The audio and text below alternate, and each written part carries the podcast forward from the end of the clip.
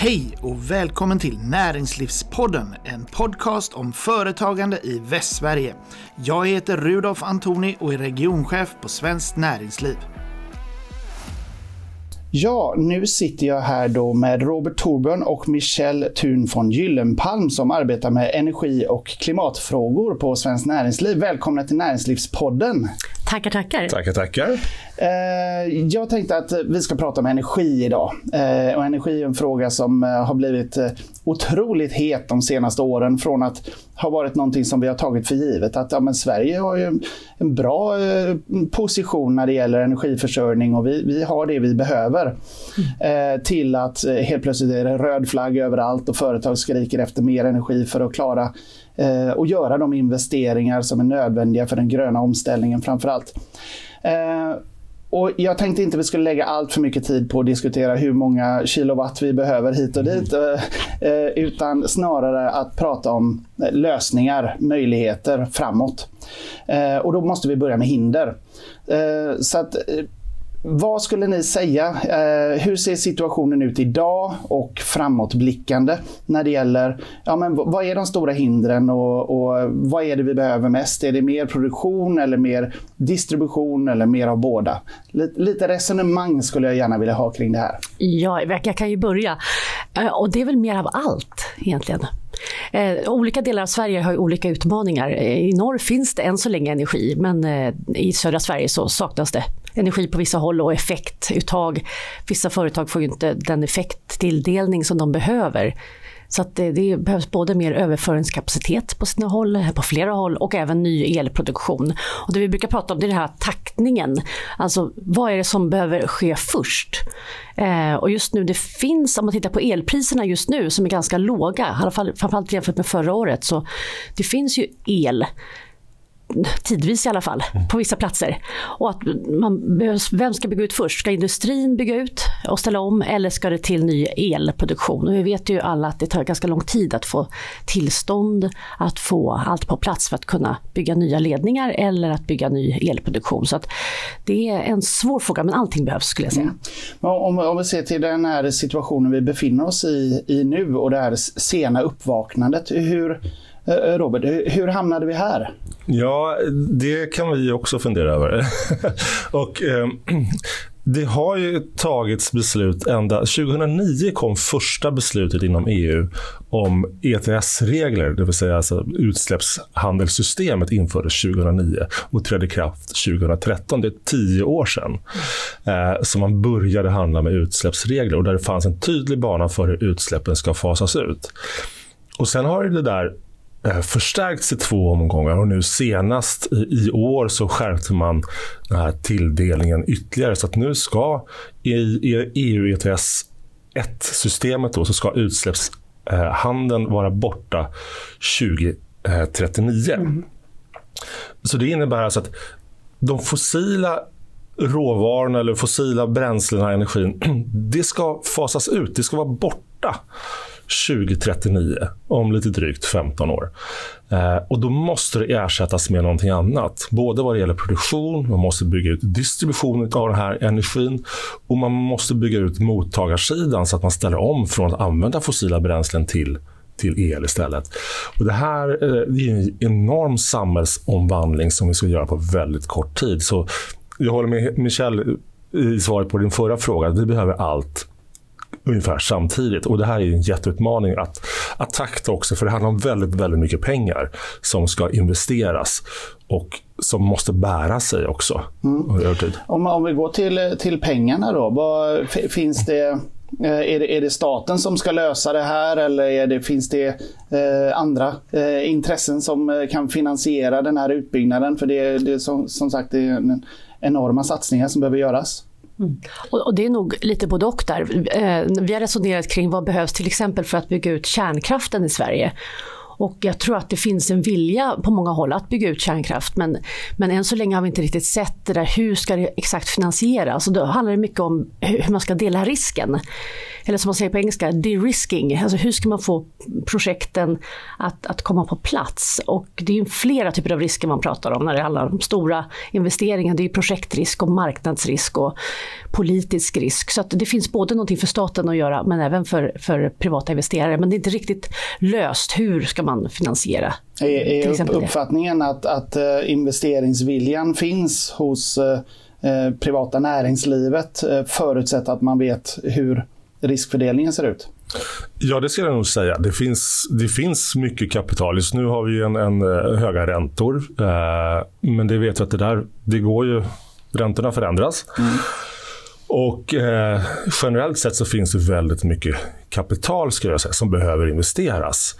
Eh, och så, återigen, det här är en enorm samhällsomställning som ska göras, inte bara i Sverige, utan runt om i världen och, och framförallt i Europa har vi kommit överens om vad som ska göras. Så att eh, det kommer finnas stora behov utav, av mer kapital. Det finns mycket, mycket kapital också. Men då måste man veta under vilka förutsättningar mm gör man de här investeringarna. Man måste vara säker på att investeringarna bär sig. Ofta handlar det om pensionspengar i, mm. i slutändan som investeras. Och det är dina och mina och Michels eh, pensionspengar och som ligger till. och några till. Ja, exakt. Eh, så att vi vill ju inte att de där pensionspengarna bara ska försvinna för att det var någon som inte tänkte till. Så att det här är, är superviktigt eh, att vi får de här förutsättningarna på plats. Mm. mm. Men man kan väl lägga till också, det handlar mycket om ett, liksom, eh, ett mindset eh, skifte lite grann. Väldigt många år har vi haft ett system, inte minst energisystemet, som har varit bevarat eller förvaltat någonting som har fungerat ganska bra. Och tittar man på statistik hur mycket el som vi har producerat och använt i Sverige så har det legat ganska platt ganska länge. Eh, och det är någonting som kommer förändras. Det är det vi pratar om nu, att den här kurvan över elanvändningen och eh, även elproduktion då kommer börja stiga igen, så som det såg ut ungefär när man byggde ut elsystemet i Sverige. Så det är en annan, ett annat en annan situation nu än bara för några år sedan. Och det ser man också om man tittar på gamla intervjuer, inte minst från politiker och även från näringslivet, bara för fyra fem år sedan. Då var man inte riktigt medveten om det här stora eh, skiftet eh, som vi ser nu. Om vi tänker på den allmänna medvetenheten och, och engagemanget för den här frågan. Eh, nu eh, gick vi igenom en, en, vinter, eh, höst och vinter förra året här då folk blev smärtsamt medvetna om energisituationen. Nu ser det inte riktigt lika farligt ut den här vintern. Finns det en, en farhåga att liksom, trycket på den här frågan minskar Eh, i samband med det. Eh, att, samtidigt som det här är otroligt viktiga frågor långsiktigt. Jag skulle nog säga både ja och nej. För att det vi såg förra året när vi fick de här riktiga prispikarna, det är att det blir väldigt starkt tryck på politiken att göra någonting, nästan vad som helst. Bara man gör någonting och någonting snabbt. Eh, och det blir sällan särskilt bra i det långa loppet. Eh, så ur den aspekten skulle jag säga att det är bra nu att det här värsta trycket på politiken har minskat lite grann. För att då kanske får lite arbetsro och få till stånd genomtänkta lösningar. Det var ju det som Riksrevisionen pekade på för några veckor sedan. Politikens oförmåga att göra konsekvensanalyser. Och det såg vi lite grann i en del av de förslag som presenterades då i samband med elkrisen för ett år sedan. Eh, att det, allting var inte helt genomtänkt. Så det är bra. Eh, men sen så gäller det att vi inte tappar, tappar tempo för att återigen, det är det här är ju lagfäst förändring. Det här är EU-lagstiftning. Det blir dyrt för Sverige. Det blir dyrt för enskilda företag om vi inte genomför den här omställningen. Eh, så att, och, och, vi har inte så förfärligt många år på oss. Så det måste, vi måste ha ett högt tempo i förändringsarbetet. Absolut. Mm. Och man kan väl lägga till att, att eh, när jag nämnde det här, det är en ny situation. också, jag tror vi måste vänja oss vid tanken vid att vi har kommit från en, en situation med stabil eltillförsel, stabila elpriser på en låg nivå. Och menar, nu ser vi ju, just nu har vi låga elpriser, det kan komma höjningar och vi, vi måste vänja oss vid, inte minst i näringslivet, att att situationen nu närmaste 10-15 åren kommer betyda varierande elpriser. Mm. Och, och, det är en viktig viktig fakta att ta in tror jag för alla. Att vi måste, vad kan vi göra för någonting? Och där kommer också de här snabb, snabbare lösningarna. Kan man jobba med, med flexibilitet på användarsidan?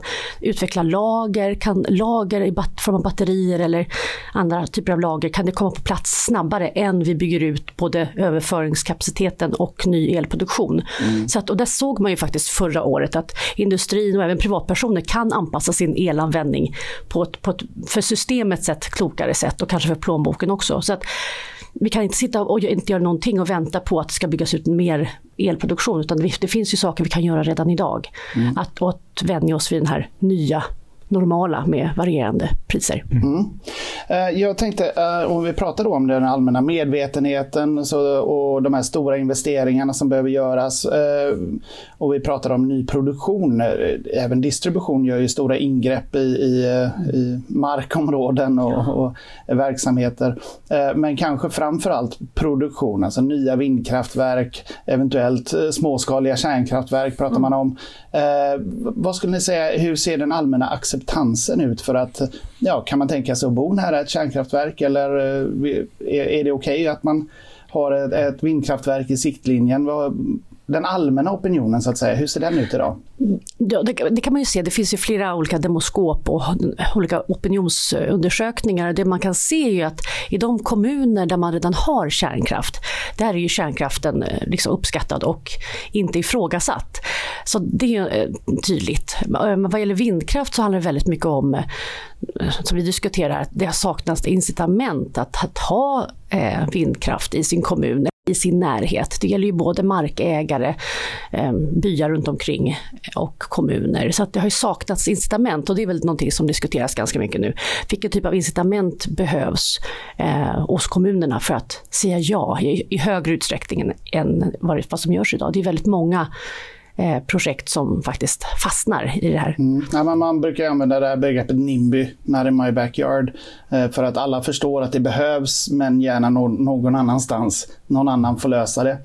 Uh, har, vi, har vi med den mer medvetenheten om den akuta situationen uh, kunnat motverka det här på något sätt eller ser vi att det är lika starkt som tidigare?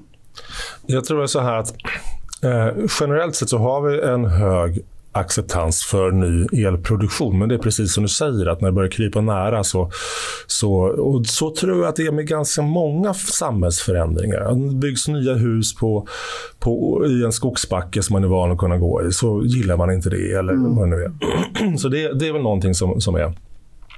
Men jag tror samtidigt också att medvetenheten om behovet av den här förändringen växer ändå.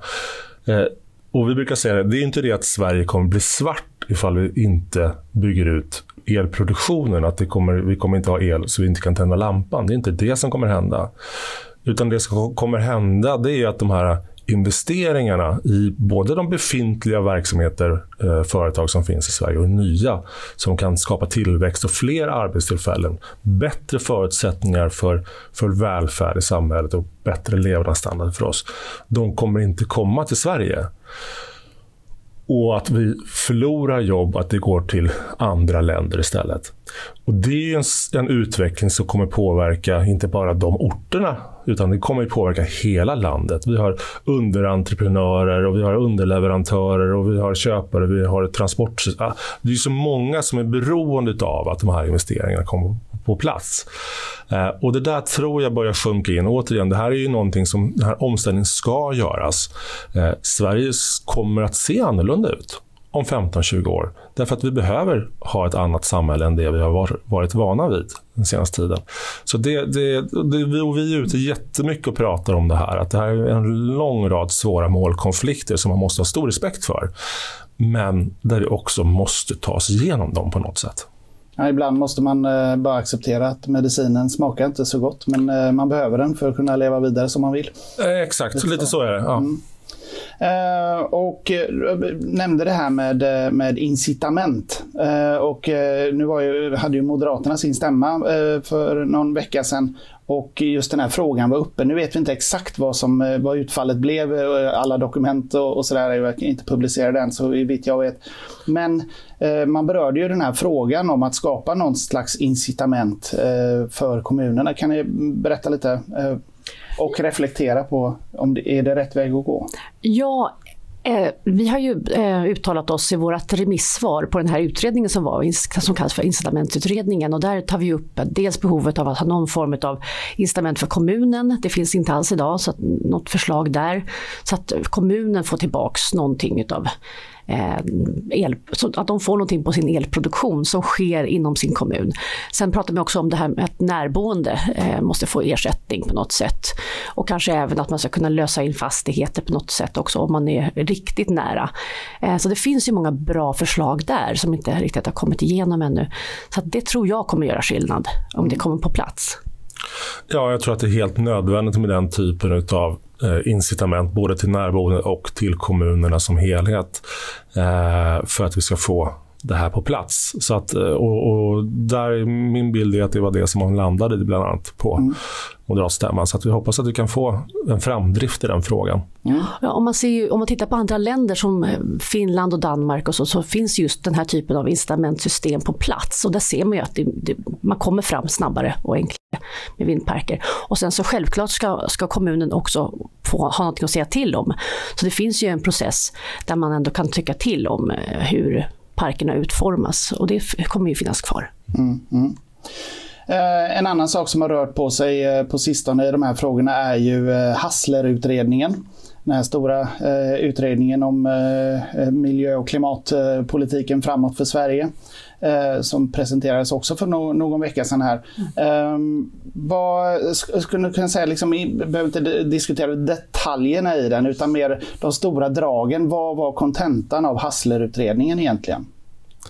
Jag ska väl säga att det, det, är väl att, att nu har vi, och som jag var inne på förut också, vi har ambitiösa mål inom EU nu. Eh, alltså de första då, jag kommer tillbaka till EU ETS 1, alltså utsläppshandelssystemet. När det sjösattes då, när det beslutades första gången 2009, då skulle utfasningen ske till 2065. Och den tidtabellen har nu krympt då till 2039. Så man har ju tajtat åt det här systemet väldigt mycket. Och Det ser vi också på, i priserna på utsläppsrätter, hur de har stuckit iväg. Att nu börjar det kosta pengar ordentligt för industrin att släppa ut. Och man driver fram en omställning. Det behöver ske. Eh, och Det är väl egentligen det som, som John Hassler säger, att nu, vi har väldigt ambitiösa mål som, som är lagfästa, som ska genomföras. Eh, och låt oss nu liksom, ska säga, vila i de målen. Och nu måste vi fokusera verkligen på okay, hur ser vi till att vi kan nå dem. Alltså vilka, vilken praktisk politik kan vi, uh, behöver vi ha för att vi ska kunna göra den här omställningen för att fasa ut de fossila bränslena och råvarorna. Uh, och där ska vi lägga fokus att möjliggöra för att nå de här målen och kanske lägga mindre fokus på precis att, att ytterligare se, kan vi lägga massa tid och kraft på att debattera hur kan vi skärpa dem ytterligare. För att det är, det är väldigt ambitiösa mål som mm. har satts upp. Ja, man kan väl lägga till det här, man brukar nämna det här Fit for 55 som kommer från EU, det, det, det klimatpaketet och det är ju en jättehög ambitionshöjning. Eh, och EU ska ju som helhet vara klimatneutralt till 2050 eh, och det är relativt snart. Mm. Så, att, eh, så det är det finns att göra. Så fokus på att eh, faktiskt nå målen snarare än att eh, försöka eh, ytterligare höja dem och gå före och visa vägen. Det har ju varit linjen tidigare eh, från Sveriges sida att vi ska vara bäst i klassen och, och eh, gå före. Men nu handlar det mer om att ja, nu, nu, är de, nu är de på en bra nivå för, för EU. Så... Ja, nu har EU verkligen eh, skärpt ambitionerna när det gäller klimatomställningsarbetet. Så nu har vi skulle säga, väldigt höga ambitioner inom hela EU. Eh, och där vi också har ett, vi har ett gemensamt ansvar inom EU att lösa ut det här.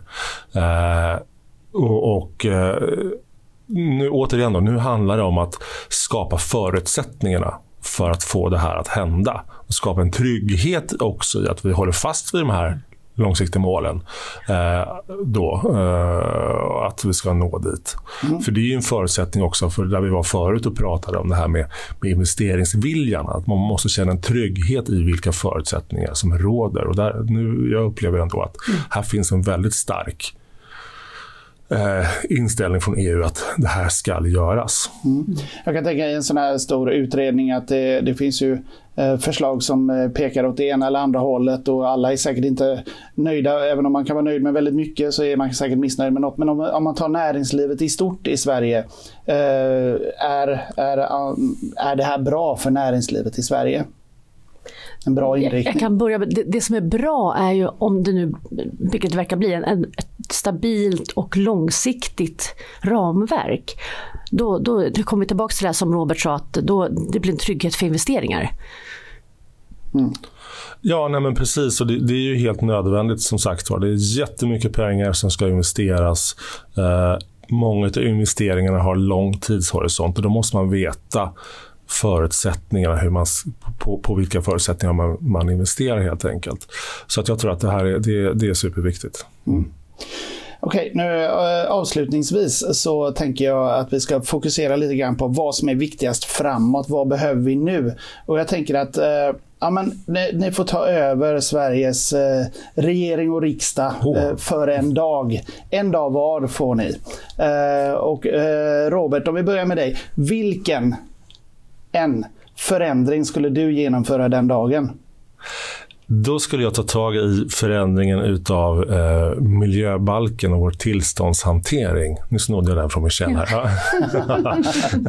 eh, för att idag så har vi eh, våra tillståndsprocesser. Det är otroligt mycket, både som ska komma till. Ny produktion, ny användning, nya nät som ska komma till. Men det är också mycket av det som redan finns som ska ställas om. Eh, och här fastnar vi i långa tillståndsprocesser. Eh, och många myndigheter, det kan vara, tittar vi på ett nytt vindkraftsprojekt så kan det vara upp till 17 olika myndigheter som är involverade, som har olika syn på hur man ska bedöma det här projektet, vilka krav som ska ställas. Eh, och det är alltså stat, myndigheterna är ju statens eh, ska säga, förlängda arm. Så att vi har staten som bråkar med sig själv över huvudet ibland på, mm och exploatörer. Här måste vi tajta till de där processerna eh, så att vi kommer framåt återigen, vi ska vara, eh, vi ska vara omställda helt till 2045 i Sverige. Det är inte, och då kan vi inte ha processer, tillståndsprocesser och, och, att det ska ta kanske 15 år att genomföra stora projekt. Vi har inte den tiden. Så det, det är jätte, jätteviktigt. Mm. Ja, Michelle, då, då är tillståndsprocesserna Precis. på plats. Oh, tack Robert, det var verkligen bra. Ja, då men då, är det din dag ja, att styra Sverige. Precis, och då skulle jag se till att jag skrev om en del av de regleringsbrev och uppdrags liksom spesar till, till myndigheterna och fokusera på att de ska samarbeta med varandra. Eh, samarbete myndigheter emellan och, och också se till att de får de resurser som behövs för att de ska kunna ha tid och möjlighet att samverka med varandra, myndigheter emellan och också med näringslivet. Då kommer man spara mycket av den här tiden. Och eftersom nu är tillståndsprocessen på plats här tack vare Robert. Så det, det skulle jag göra. Ja. Uh, och absolut sista frågan då. Löser vi det här? Ja! Optimism, härligt. Ja. Stort tack för att ni var med i Näringslivspodden och redde ut en del av de här frågorna med mig. Tack så mycket. Tack, tack så mycket. Jättekul. Du har lyssnat på Näringslivspodden, en podcast om företagande i Västsverige. Jag heter Rudolf Antoni och är regionchef på Svenskt Näringsliv.